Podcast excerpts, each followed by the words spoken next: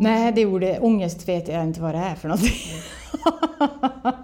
Nej, men det har väl med att göra. Alltså handlingskraft är mitt favoritord och jag, ja, jag tycker det, så, det finns sån symbolik med armbrytning. Man greppar motståndet, man bryter mönster, man, ja, man tar tag i problemen. Och i och med att man gör vad man kan, då, ja, då finns det som inte utrymme för någon ångest. Då har man som en handlingsplan.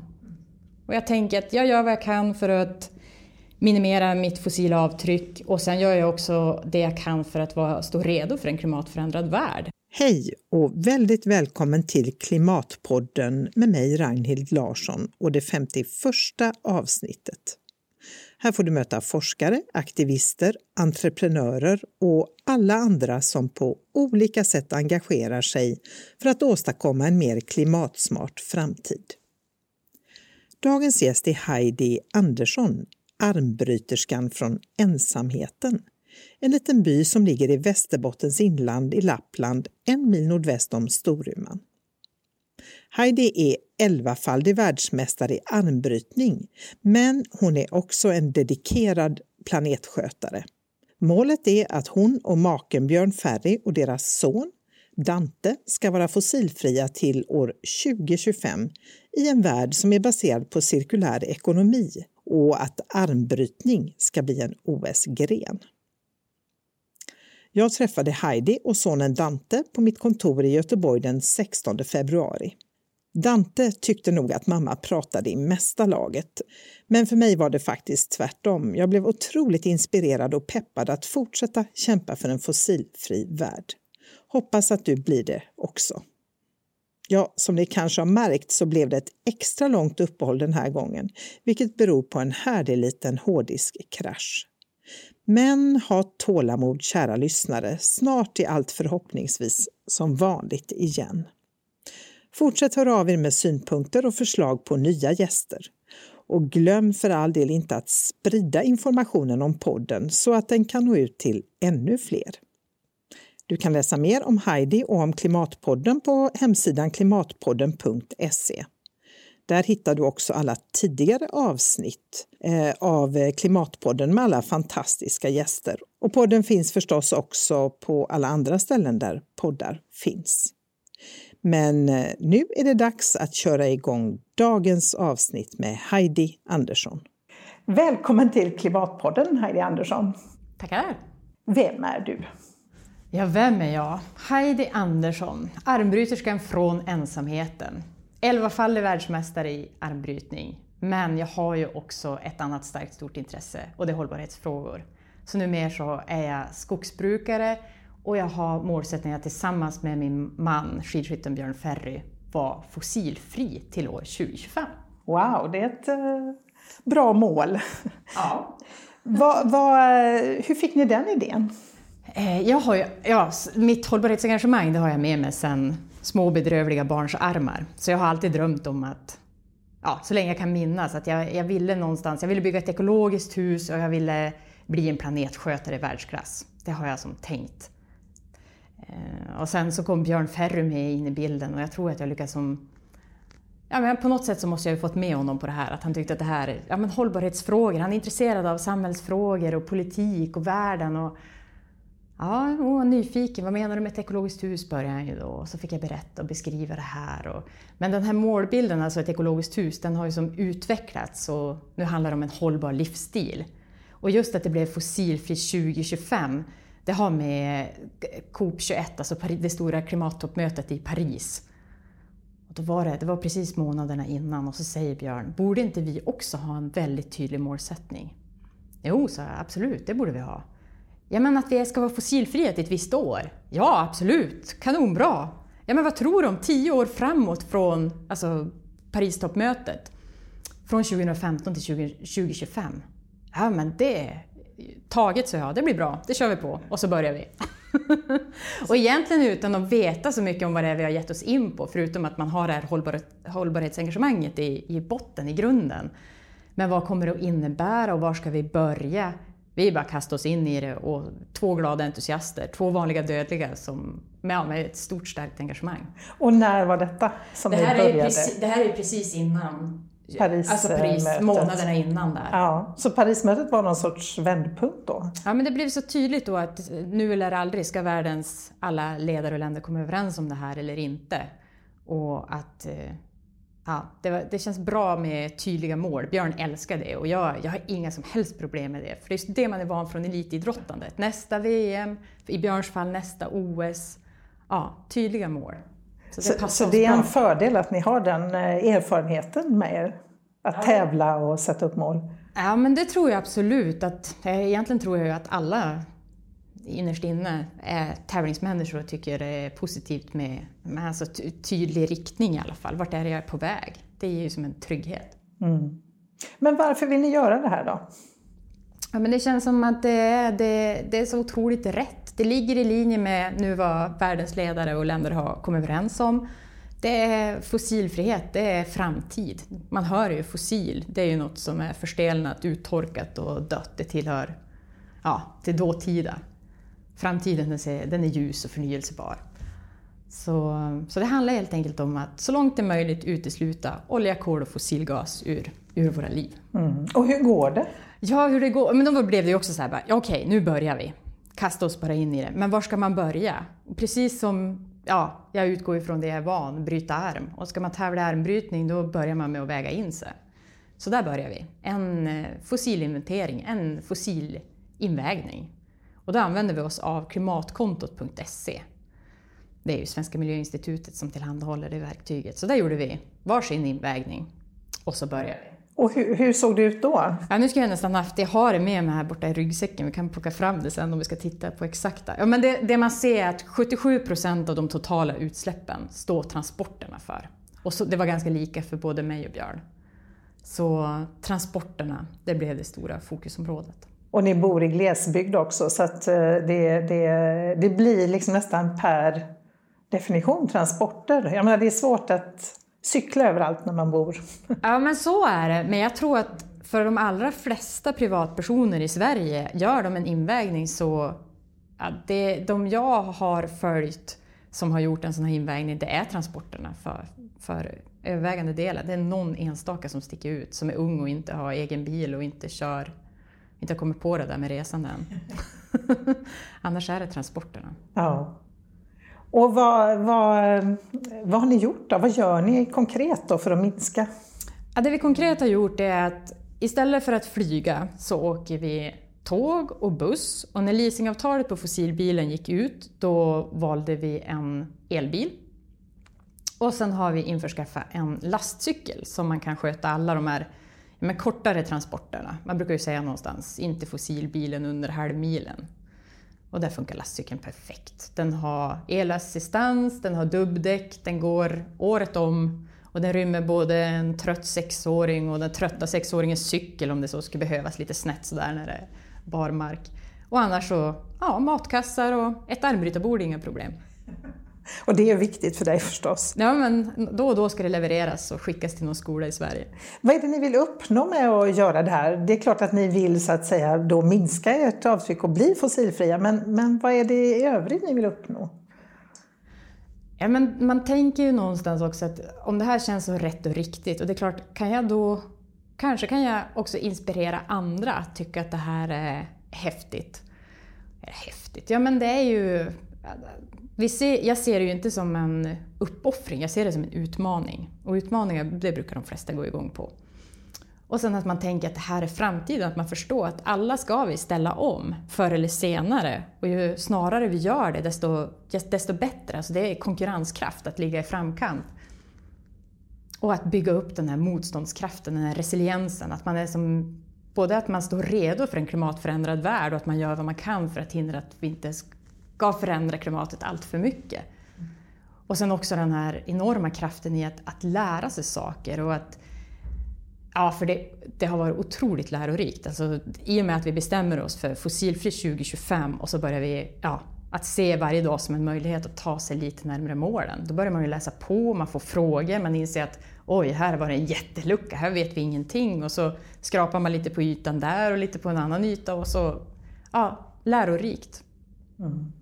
Vad gör ni konkret mer då än transporterna och lastcykeln och, så där, och ja, men, elbilen? Ja men precis. Sen, man brukar ju prata om de här klassiska bena och bilen, transporterna är ju det ena. Och sen är det ju bostaden, det säger sig självt, biffen, maten och begären, börsen, alltså konsumtion och också investeringar och företagandet så att vi täcker in hela vårt fossila avtryck. Och vi jobbar med alla, allting parallellt, även om transporterna har varit det stora fokusområdet.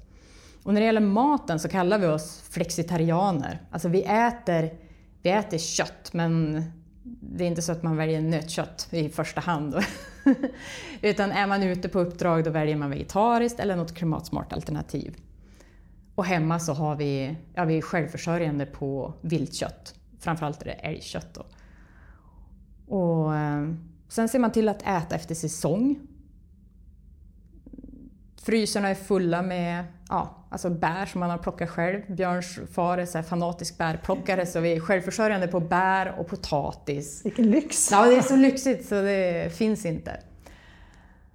Ja, försöker tänka mer där kring maten. Men och sen att tar man en, en hel älg så försöker man ta hand om den på bästa sätt. Alltså man kokar soppa på benen, man gör pölsa, man har då snabbmat som man kan ha under hela året. Jag har införskaffat en jättestor sån här traditionell vedeldad kokgryta som man kan koka upp till 60 liter åt gången.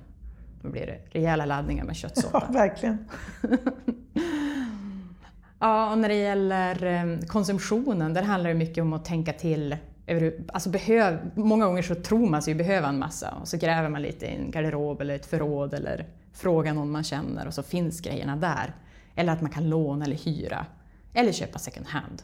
Eller om man då behöver köpa, ja, då kollar man igenom vad går den här, går det att byta ut delar, går det ja, laga, håller den här? Alltså att man väljer kvalitet då framför kvantitet. Men många gånger så, alltså att låna, hyra och second hand. Mm. Vad är den största utmaningen då med att försöka leva så här hållbart?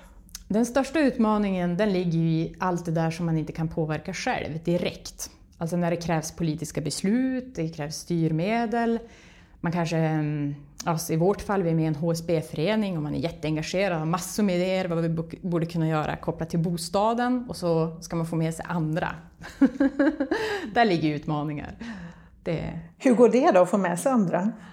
Ja, men det, går, det går ju inte så där supersnabbt som man kanske hade hoppats, men, men nog händer det saker, det gör det.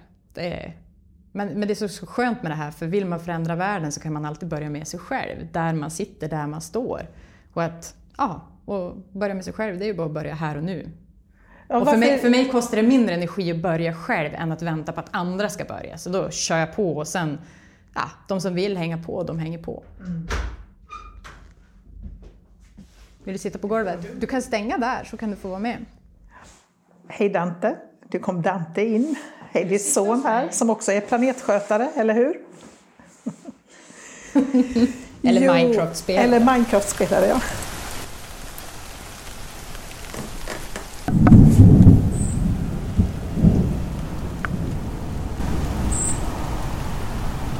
Eh, men en del säger så här, nej men det här måste upp på en systemnivå, vad jag gör spelar ingen roll. Alltså det politikerna måste fatta beslut om att, eh, ja, med styrmedel och sånt där. Vad, vad tänker du då? Jo, men visst är det så. Men vad, vad lilla, lilla jag gör spelar ändå roll, för alla är ju människor och även politikerna. Så att, och, och det är klart att börjar man själv, bara att göra en sån där fossilinventering, då blir det så uppenbart att det här kan jag enkelt justera själv. Alltså bara genom vardagliga val och bryta mönster. Mm. Och, och, här krävs det politiska beslut för att jag ska nå hela vägen fram. Så att nog är det en poäng att börja med sig själv. Tror du att, eh, alltså var kommer förändringskraften ifrån då? Är det, är det vanliga människor som förändrar världen eller är det politikerna? det är vanliga människor som förändrar världen. Det är, för politiker är också vanliga människor. Så att det, det är det absolut, det är jag övertygad om. Men det är klart, om, om politiker de, de vill ju inte fatta beslut som är obekväma och att de inte får röster. Och det är klart, känner de att här finns det ett stöd, det är i den här riktningen vi är på väg. Då, då, då får man dem ju med sig. Men det går ju väldigt långsamt. Alltså, allt det här som vi pratar om nu och allt ni gör och så, det är ju jättebra. Men man kan ju ibland också, i alla fall jag drabbas av någon sorts tvivel eller förtvivlan och känna men herregud vi har så bråttom och det måste ske nu, vi kan inte vänta längre. Vad tänker du, har du klimatångest? Nej, det ordet ångest vet jag inte vad det är för någonting. Nej, men det har väl med att göra, alltså handlingskraft är mitt favoritord och jag, ja, jag tycker det, så, det finns sån symbolik med armbrytning, man greppar motståndet, man bryter mönster, man, ja, man tar tag i problemen och i och med att man gör vad man kan då, ja, då finns det som inte utrymme för någon ångest, då har man som en handlingsplan. Och jag tänker att jag gör vad jag kan för att minimera mitt fossila avtryck och sen gör jag också det jag kan för att vara, stå redo för en klimatförändrad värld. Alltså den dag som butikshyllorna gapar tomma när det gäller vissa livsmedel, då är, då är jag redo. Då har jag min paketerade frysta älg som ligger i en snödriva om det så skulle behövas. och en årsförbrukning med potatis och det har folk överlevt på förr så då ska nog jag också fixa det. Vad är det roligaste med att leva så här då? Det roligaste det är, väl, det är ju att det är lärorikt, man lär sig saker, det är inspirerande. Men sen är det också roligt när man får, alltså när, när man möter människor som kommer fram, man har en lastcykel till exempel, eller man har en elbil och de kan komma fram i lilla Storuman, klappa på lastcykeln, provsitta elbilen, provcykla, ta på det här och ställa direkta frågor. Och sen händer det saker. Alltså, nu har vi från en lastcykel till fem på ett år. Wow, ni har fem lastcyklar! det är ganska rejäl ökning. I, du menar det, det är fem lastcyklar runt, det är inte ni som har fem lastcyklar? Nej, alltså i Storuman, ja, ja, att fler fattar. blir inspirerade så man ser andra kommer med lastcykel och man möts på väg till förskolan. Och... Mm, då har man ju verkligen konkret inspirerat andra. Ja, och att man kan hyra elbil i Storuman och det finns fler elbilar och det kommer upp ladd, laddstolpar och ja, att det händer saker. Mm. Och det är klart att kommer det den nära, på samma sätt som eh, tränar man i en klubb där man har eh, det finns en världsmästare, det finns alltså en hög nivå, då triggar ju det att fler blir bra, för det är möjligt. Alltså det där, det där möjliga kan man ta på. Så tävling, positiv tävlan är en väg framåt helt enkelt, tror du? Tävling, är, det, det triggar alltid. Det, så är det. Är, är det det som är din drivkraft att hålla på med detta? Att det liksom blir en tävling, jag ska klara av det här eller vi ska klara av detta?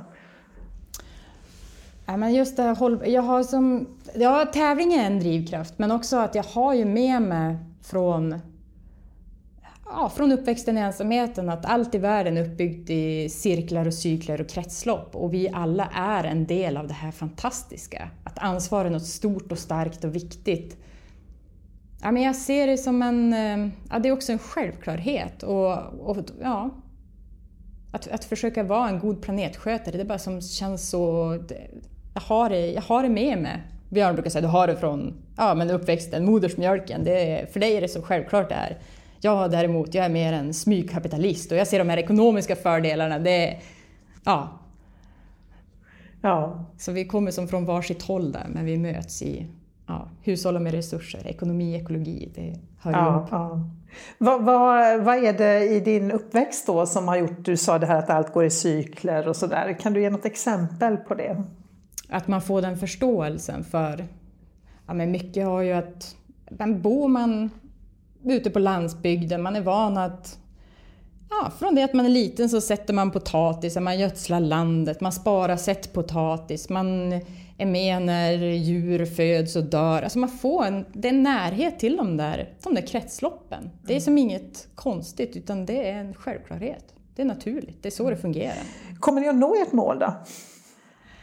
Ja, det, får vi, det återstår ju att se. Vi kan inte nå det nu under 2018, det kommer vi inte att göra för det krävs ju det krävs ju samhällsförändringar, så är det. Bara att man är en del av det här fantastiska landet Sverige, så via skattesedeln så får vi ju ja, nu borde väl den siffran uppdateras, den är väl rätt gammal, men enligt Naturvårdsverket upp till två ton extra så kallade koldioxidekvivalenter för att ja, vi är svenska medborgare. Vi, ja, men om man tänker, det är allt från sjukvård och försvar och ja, skola, vård, och omsorg och sånt. Mm.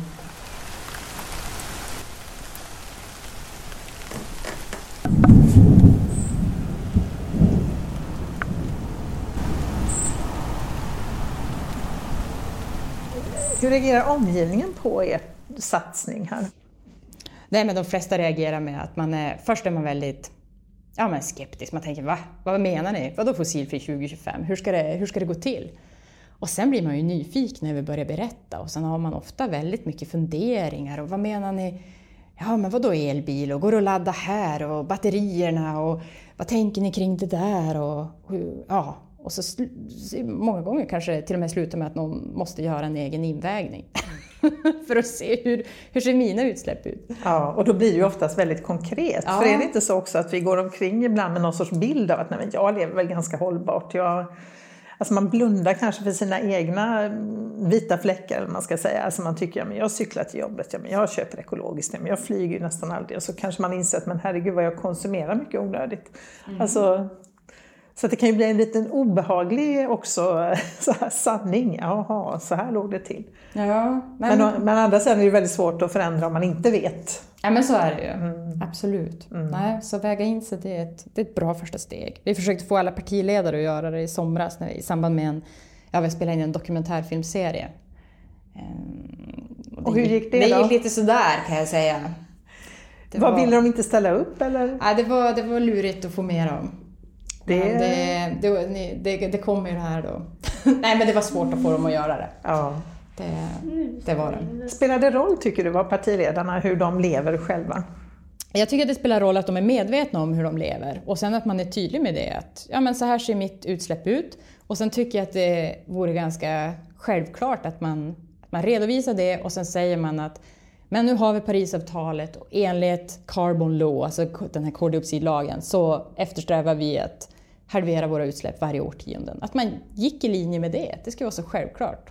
Så här ser utsläppen ut och nu jobbar jag med att, att se till att staplarna inte höjs utan att det mm. går i rätt riktning. Mm. Vad krävs för att det ska hända tror du? För det låter ju väldigt självklart. ja, jag tycker det. Alltså, men det är väl att, att fler och fler efterfrågar det. Att man ser det som en självklarhet att det ska vara så. Ju fler som pratar om det och ju fler gånger du får frågan, till slut så tänker man, ja men, om inte annat för sin egen skull, att man tjuvgör en invägning och så ser man hur det ser ut och så tänker man, ja. Och sen börjar man att, den första som redovisar det kan säga, så här ser det ut för mig, nu utmanar jag. Och så är det ju, kan man ju göra det med Alltså det är ju som roligt om det blir blocken mot varann eller partier mot varann.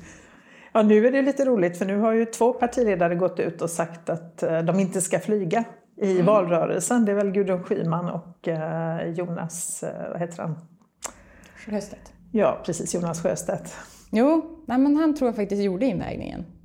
Okay. en av de som gjorde det. Ja.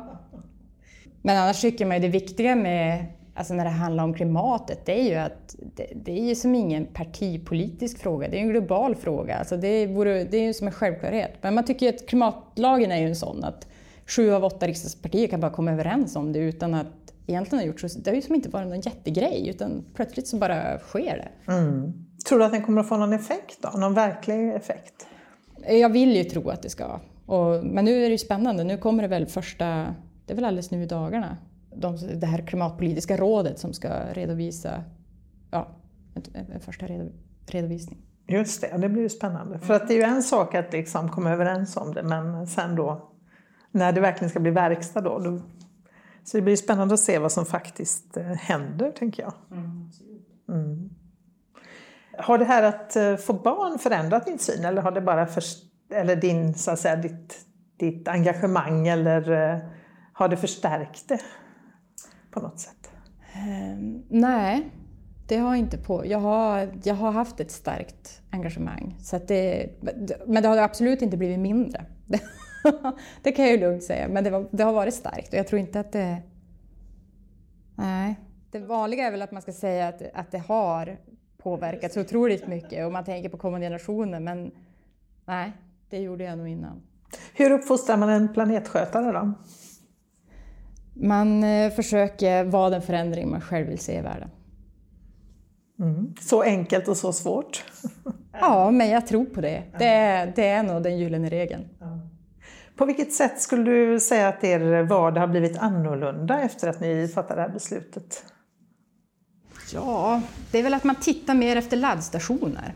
Nej, men jag vet inte alltså, om vardagen har förändrats. Ja, det är mycket, alltså det är klart det blir som ett annat att köra elbil Men jag har åkt, alltså för min del har det inte egentligen varit någon jättestor skillnad. Eh, jag har åkt mycket tåg inrikes, alltså haft det som en självklarhet. Så många gånger, jag och Björn har träffats i Stockholm, han undrar hur jag åkte dit. För honom var det nytt, det var första gången han var inne på SJs hemsida i och med att vi hade den här målsättningen. Så jag visade honom och först bokade jag alla hans resor, sen har han nu, ja nu fixar han det själv. Nu har han som lärt sig hur det, hur det går till. Så för honom har det varit en större förändring? Ja, ja. Nej, han hade aldrig varit inne på SJs hemsida. Nej. Så för honom var det ju helt klart. Mm. Men just det där, fundera på, hej, är du också i Stockholm? Men hur kom du hit? Ja, jag åkte nattåget ner. Nej, men det som, det som är, vi har ju gjort aktiva val på så sätt att vi har, men det har också mycket med Dante att göra, att Dante är liten här och nu. Och tidigare, alltså, i och med att vi var aktiva elitidrottare och vi reste så otroligt mycket. Alltså Björn kunde ha över 160 resdagar på ett år och jag låg ganska konstant runt 110-120. Och målet är inte att resa mer utan det är att ja, men kan, man, kan man ha det bra så ha det bra. Man måste inte, det är så lätt att bli smickrad och man får massor med förfrågningar och så tackar man ja till allting och så är kalendern helt ja, överklottrad. Och så tänker man, jo men det finns ju utrymme, det finns ju en timme där. Och, men, men till vilket pris? Är det värt det? Mm. Så att eh, dra ner på uppdrag och ja, göra mer per eh, telefon, per ja, Skype. Man måste inte ses varje gång. Och ska det komma ett produktionsteam upp till Storuman, ja, men då ställer man krav i avtalet. Att då är det hållbarhet som gäller. Mm. Och så tänker vi testa, vi ser om det fungerar. Så, hur, gör, hur och så gör det det. Det går ja. igen. Det är, ja, men just den här dokumentärfilmserien som spelades in nu i sommar, höst, då skrev vi in det i avtalet. Och de, de sätter sig på nattåget, åker upp till Umeå, buss från Umeå till Storuman och där på plats så hyr de elbilar och hybridbil och lånar faktiskt lastcykeln och filmar från den också. Schysst! Ja. Och hur reagerar de på det? Nej men de förstod. Det är ju som, ska vi göra är det ett, en inspelning med fokus på hållbarhet, då ska det vara det rakt igenom. De köpte alltså konceptet. De, det var, de förstod. De, här med, de spelar inte in det här bara för att göra ett TV-program, det här är på riktigt. Mm. Och det är ju verkligen ett konkret sätt, tänker jag, att kunna påverka andra då ja. också. Så, så en journalist som vill komma upp, ja men visst, det går bra, men då, då får du ta dig hit fossilfritt. Mm. Ja, det, det låter ju faktiskt bra. Jag tänker på eh, när man gör sådana här upp, i upphandlingar så när man jobbar som företag att eh, ibland ställer man ju krav på att man ska ha, så här, vara ISO-certifierad och miljöcertifierad. Jag tänker det här är ett väldigt konkret sätt att göra det som kanske är ännu mer effektfullt. För ibland säger man ju som kritik mot ISO-certifieringarna att ja, det gäller bara att ha rätt saker på rätt plats i permen liksom. Men här blir det ju verkligen eh, upp till bevis. Mm. Mm. Ja, men precis. Men annars, alltså, där, om det är några förändringar i vardagen? Ja, det är klart, det var ju när vi bestämde oss för att vi att det här med flexitarianer och att vi borde kanske äta mer vegetariskt och så tittar vi på varandra. Åh herregud, vad är vegetariskt för någonting? Och så bara, havregrynsgröt, ja, bra! Pannkaka, ja! Vad mer då? Vad kan man göra? Potatissoppa. Ja, alltså det var inte så lätt. Så vi har ju lärt oss att laga mer vegetariskt, det ska jag säga. Det har varit så förändringar i vardagen. Men det har gått bra? Ja, men det har faktiskt varit ganska... Ja, det är ju det är spännande. Det är som en ny värld som öppnar sig.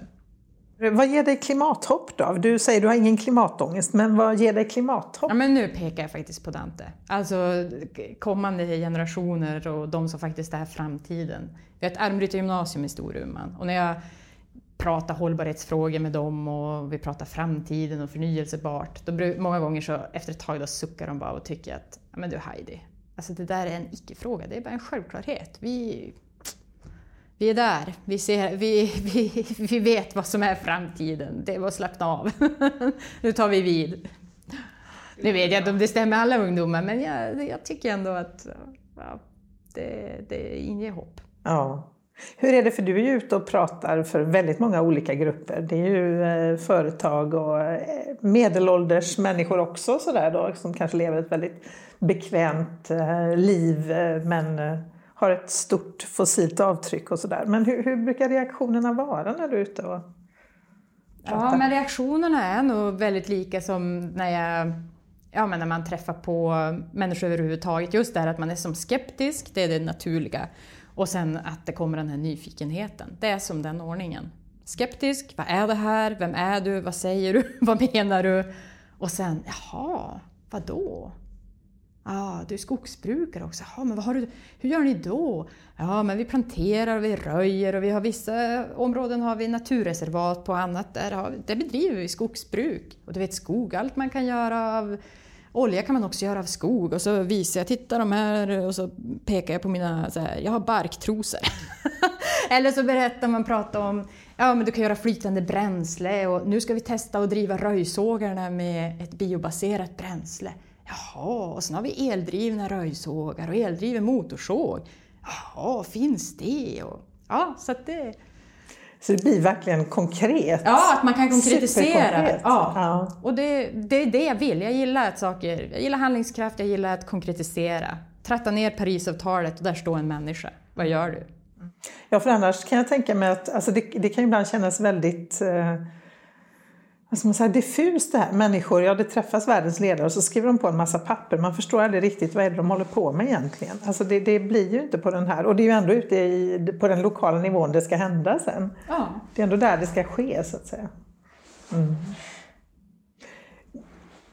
Men hur, eh, alltså det låter lite som ett äventyr när du beskriver det nu. Mm. Eh, det här. Ja, men det är nog en ganska bra beskrivning, det känns så. Det är ju spännande, vi är ju på väg. Det är ju som, vi är i en omställning. Och det är bara frågan vad som, vad som kommer att hända. Hur äh, möter du många klimatskeptiker? För jag tänker det är något annat än det här kanske naturliga skepticismen då som man känner, jaha men vad håller ni på med? Men att man ändå blir nyfiken. Um, om jag, nej, det finns ju, men de är ju ett fåtal. Vi är ju ändå överens om att visst, vi har klimatförändringarna här och det är mänsklig påverkan. Okej. Okay. Vad kan vi göra åt det och hur, hur förbereder vi oss för en klimatförändrad värld? Att man som är, kommer dit ganska snabbt.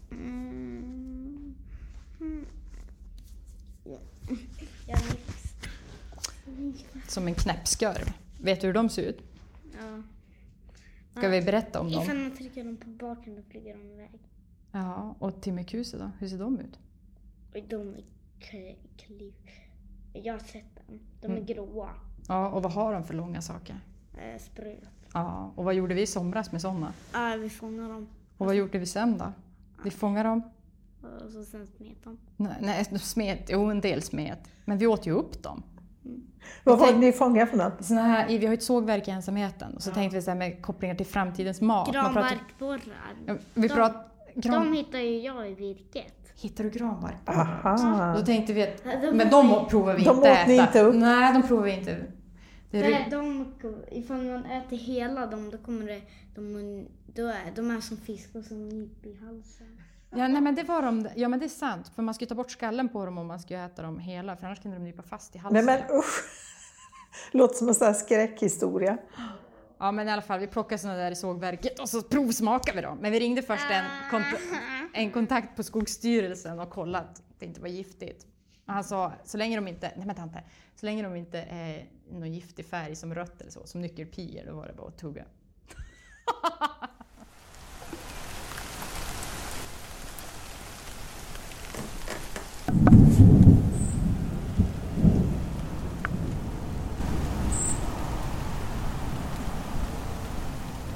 För som du säger, okej, okay, de flesta är ändå överens om att det här är ett problem och vi måste göra någonting åt det. Men vad, vad skulle du säga, vad tror du är det bästa sättet att få människor sen att ta steget och börja agera så som ni har gjort till exempel?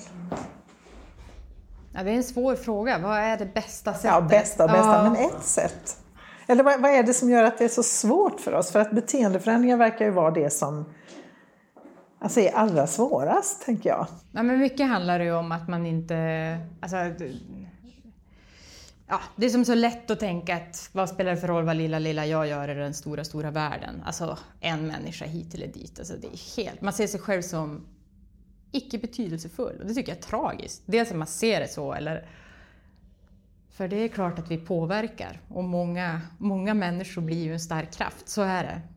Och vad jag gör har betydelse. Sen tycker jag det är så häftigt att den här lilla nationen Sverige faktiskt är en av de här nationerna som har förutsättningarna att kunna bli världens första fossilfria välfärdsnation. Och att stora ekonomier och länder tittar på vad vi gör och det också är av betydelse vad vi gör. Jo, för det är ju annars också ett argument att vi utgör en sån otroligt liten del av världens befolkning så att vad lilla Sverige gör spelar väl ingen roll. Men det spelar roll. Ja, men det är väl det. Att prata om det, att få förståelsen för att det spelar roll. Den lilla, lilla nationen, nu är det OS, den lilla, lilla nationen Sverige kan leverera. Alltså vi kan ta OS-guld i så många olika grenar. Ja, i år har vi varit väldigt Ja, det är helt lyckosamma. otroligt. Så att det, det går. En av mina favoritmeningar det är det vi mest av allt behöver i livet är någon som kan få oss att göra det vi kan. Så om det är någon, de här personerna, om det nu är en sån här Wolfgang Pichler, en superdemontränare som man säger, som kan få människor att, att förstå att du har kapacitet och du kan ta den hela vägen fram.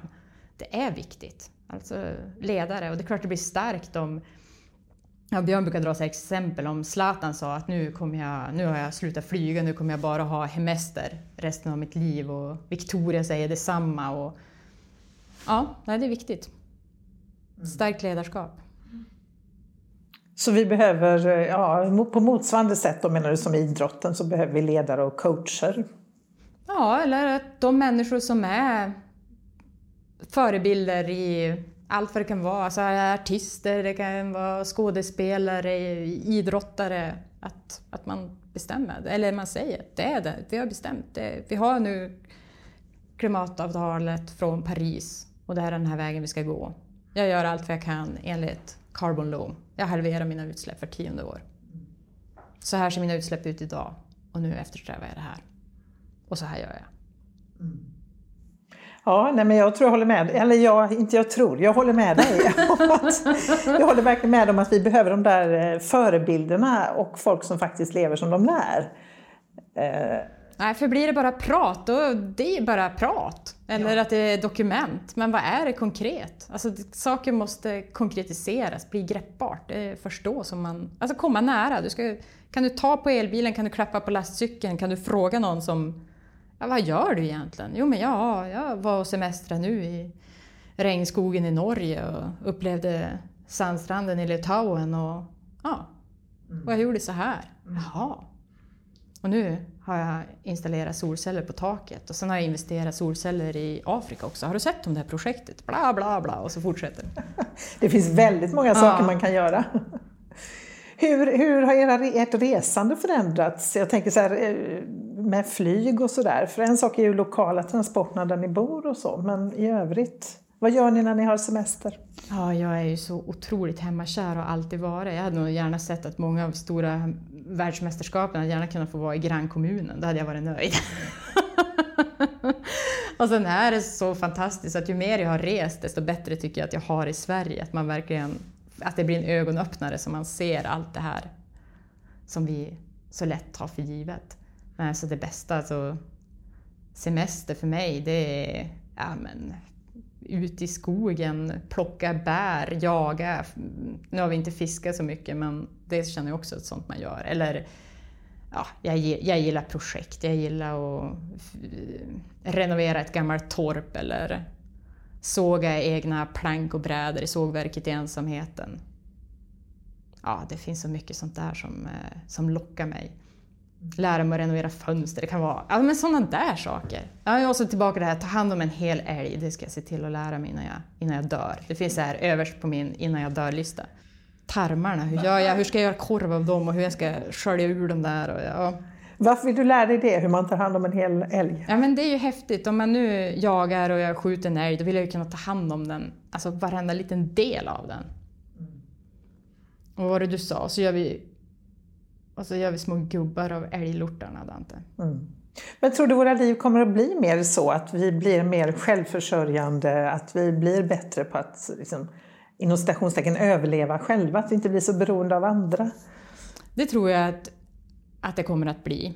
För det är en trygghet också att vara lite mer så här off-grid. Alltså okej, okay, nu blev det strömavbrott, men då slår jag igång mitt eh, vedeldade elverk som går på ja, ved eller kottar och pinnar och så kan man känna sig trygg att ja, jag fixar det här i alla fall. Det är minus 32 men det puttrar på här. Jag klarar mig. Och att inte vara beroende av, ja men vem vill vara beroende av Putin och Rysslands olja och det är få som vill. Och självförsörjande, jag menar nu är vi så otroligt beroende av import i Sverige när det gäller livsmedel. Det går ganska snabbt att hyllorna är tomma, matvarubutikerna. Och man ser också så här MSB, alltså Myndigheten för samhällsskydd och beredskap. Jag var ambassadör nu i fjol för såna här eh, ja, men veckor när man ska informera människor om vad behöver du? Vet du hur länge, hur många timmar du själv måste klara det innan någon rycker in och hjälper dig, innan samhället kommer in och hjälper dig? Det är få som vet att det är 72 timmar och du ska ha mat, vatten, mat, du ska kunna ha värme och du ska kunna kommunicera, ta, ta del av viktig samhällsinformation. Och det där, det tror jag bara kommer att bli mer och mer. Mm. Ja, i takt med klimatförändringarna. Ja, med, i takt med klimatförändringarna. För rätt som det är så, ja, uteblivna skördar och det är, det är tomt på vissa hyllor. Eller det kanske till och med är så att transporten överhuvudtaget går inte fram till matvarubutiken. Då är det tomt. Vad har du i dina gömmor? Så en egen plätt jord är ganska mycket värd Ja, fast enkelt. annars, det går att odla potatis. Har du bara en säck med en gammal jord, alltså sån här blomjordspåse, vänd den ut och in och stoppa potatis i den och så lite jord på så öser du på eftersom. Då har du din odling. Mm.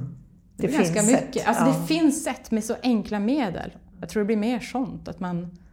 Ja, enkla medel och, och ändå känna det. Alltså för det, det är dels en trygghet och sen känns det ganska häftigt. Jag tror folk känner sig stolta att det här är jag som producerar själv. Och, du vet, jag har minsann en liten, en liten bäcka. Mm. Och det finns ett enormt intresse tänker jag för det här med att odla och grejer nu. Alltså det kommer ju mer och mer. Vad, jag tänker också att vi har ju allemansrätt i Sverige, vilket ju är lite unikt. Det är faktiskt bara att gå ut i skogen och plocka bär och ja, vad man nu vill göra. Alltså det, och svamp och allt möjligt. Det finns ju som ett jättestort skafferi där och bara väntar. Ja, det gör det och det är tillgängligt. Ja. det tror jag vi har glömt bort.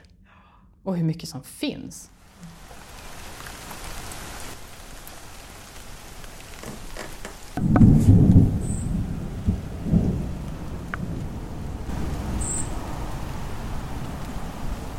Du, vad är ditt bästa tips till någon nu som tänker så här, blir inspirerad nu och tänker men jag vill också börja på en sån här resa, jag vill också bli fossilfri.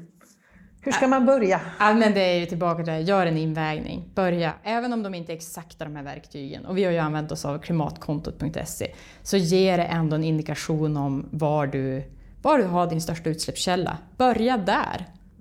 Då, kommer det, då händer det ju saker snabbt och det är ju roligt. Det är som att börja träna. Alltså det ger ju ett jätteresultat först. Sen blir det utmaning när, när man börjar komma ner. Ja, jag ligger på 3,2 ton i totala utsläpp. Och sen ska man ju lägga på samhällets påverkan också. Men det är ju som nu, nu är det ju nu, nu börjar det bli svårt. Nu får man som tänka till och vad, vad blir Ja. nästa steg och hur gör man nu? Ja, för i början är det inte så svårt tänker jag. Det finns ändå Nej, jag vissa har ju, saker jag, har- man kan jag har göra ju som direkt. sänkt mina utsläpp med 80 procent sedan 2014. Ja, vi gjorde som en, ja, jag gjorde en första invägning redan då. Jag. Så vad, vad, är, vad är det som är utmaningen nu då? Vad är det, du säger att nu börjar det bli svårt. Vad är det? Vad... Ja, men mycket handlar ju om att eh, få till den här stora samhällsförändringen, alltså att påverka. Men vi lever ju i en demokrati i Sverige, det är så fantastiskt. Du kan mejla vilken partiledare som helst, du kan skriva till vilket företag som helst, du kan skriva debattartiklar, du kan ringa människor, du kan fråga. Det är fritt. Var en lobbyist om du vill, om du känner att det här ser jag en öppning, det här undrar jag över eller här måste det förändras. Och, och sen för vår egen del, om jag tittar på de här staplarna, så nu är transporterna den näst högsta stapeln och den högsta är ja, biffen som man brukar säga, maten. Så det, det är där vi har vårt fokusområde för i år. Och då är som frågan, vad, vad ska vi göra nu? Ska man, ja, det blir mycket diskussioner, det här med mjölk och sojaprodukter eller havremjölk. Ska vi äta den norrländska Norrmejerier-mjölken? Eller ska vi välja en havremjölk? Ska vi hålla, ja, så här, man pratar biologisk mångfald, landskapen öppna. Ja, men det blir så mycket, mycket diskussioner och, och mycket man måste ta reda på. Mm, verkligen. Ja, det är inte så enkla val alltid Nej. heller. Man måste ta reda på mycket som du Men man säger. kommer ju långt mycket. än en gång. Alltså, vi, har, vi har sänkt våra utsläpp med nästan 80 procent Mm, det är bra jobbat. tre år. Så ja, det är, gör en invägning, börja. Se vart du har din största utsläppskälla och så tar du tag i den. Och det här med att vara en lobbyist, hur gör du? Gör du allt det här du säger nu, att uh, tipsar andra om? Hör du av dig till politiker? Ja, och... alltså kommer jag på något, ser jag något konkret att det här tycker jag borde förändras, då har jag inga problem med att, att mejla eller lyfta på telefonluren om jag kommer på att här ser jag en öppning, här borde man göra så här eller så här. Eller att jag hör att det ska byggas det ska byggas någonting i kommunen och det är klart, då tipsar jag gärna om jag har någon kontakt, någon som kan det här med hållbart byggande och boende, någon superarkitekt eller någon jag har hört som är specialist inom något område. Och, ja, bjuder på mitt nätverk och, och, och som peppar till, till, till den hållbara riktningen. Ja, ja. och då, då tänker jag då är det också väldigt konkret och då gör det ju det, det blir liksom på något sätt en positiv påminnelse då. Det är inte så här eh, Ja, nu kommer jag bara på ett exempel där de bygger den här flyg, ska bygga, pratar om att bygga den här flygplatsen i Sälen. Och då blir det ju liksom mot någonting, mm. tänker jag. Här blir det lite mer för. Alltså, ja, bygg det här men tänk på att mm. vi kan göra, bygga hållbart. Liksom. Ja, men precis, att man försöker som nu är jag ju inget proffs sådär, men jag tänker än en gång, det är, alla är människor och det är klart, kommer det någonting och det Ja, man kanske får sig en liten påminnelse någonstans som sätter sig. Mm. Och att man pratar och så kommer det kanske från något annat håll och till slut så är det många som har sagt något liknande och då ja, så hörde man då på nyheterna man pratade om just det där med Ja men nu var det igen med klimat och hållbarhet. Ja men det är, ja det, vi ska nog tänka ett varv till här. Har du något exempel på där du har gjort detta och vad, vad, vad, hur reagerar den du då så att säga, kontaktar? ja, men jag har ofta så här matvarubutikerna i Storuman att jag har skrivit önskelistor och jag kommer med tips på vad de borde kunna ta hem och, och det, det, har, det har varit positivt. Eller hitta sådana här samarbeten när det gäller matsvinn istället för att butikerna ja, ska slänga en massa med mat som faktiskt går att äta. Att man då ser till att de får ett möte med hotellet i Storuman som då lagar, ja, men kan frysa in produkter så de inte hinner bli dåliga och kan hitta ett direkt samarbete där. De köper in det billigare, produkterna har inte förstörts, man behöver inte slänga. Ja, det blir win-win, både för, för matvarubutiksägarna, för hotellet, för planeten. Mm. Alla är lyckliga och glada. Halleluja. Ja, halleluja. Amen. Du, vad, vad, vad är det som ger dig din energi? Du verkar ha en otrolig energi. Var, var kommer den ifrån? Ja, den, den är medfödd.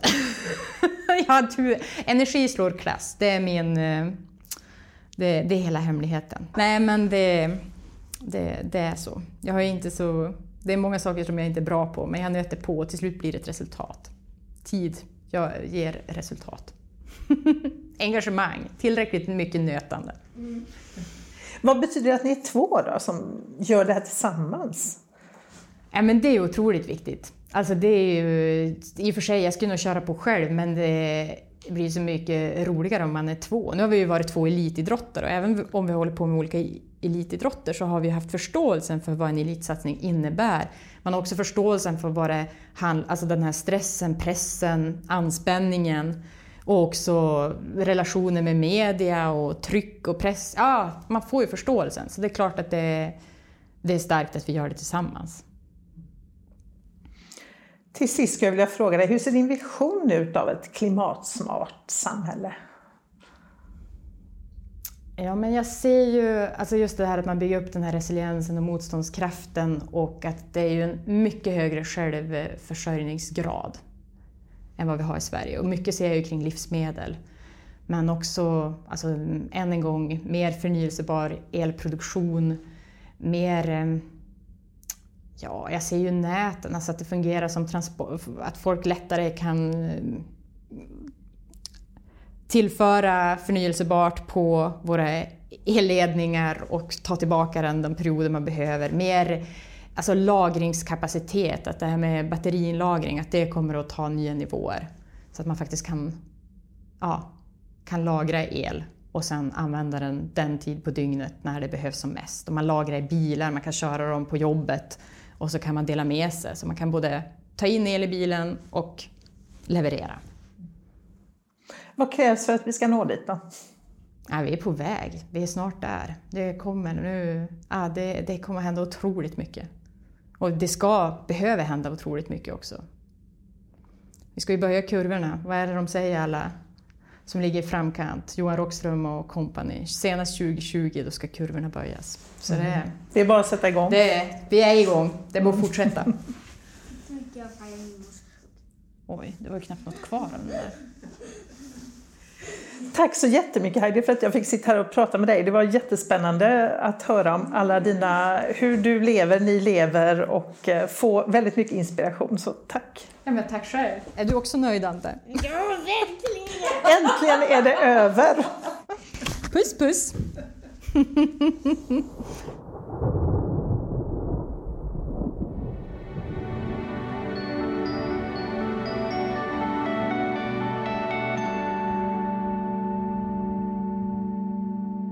Du har lyssnat på Klimatpodden som produceras av Konvoj Produktion. Dagens gäst var Heidi Andersson. Signaturmelodin är skapad av Tommy Caso och den fina loggan av Hannes Larsson.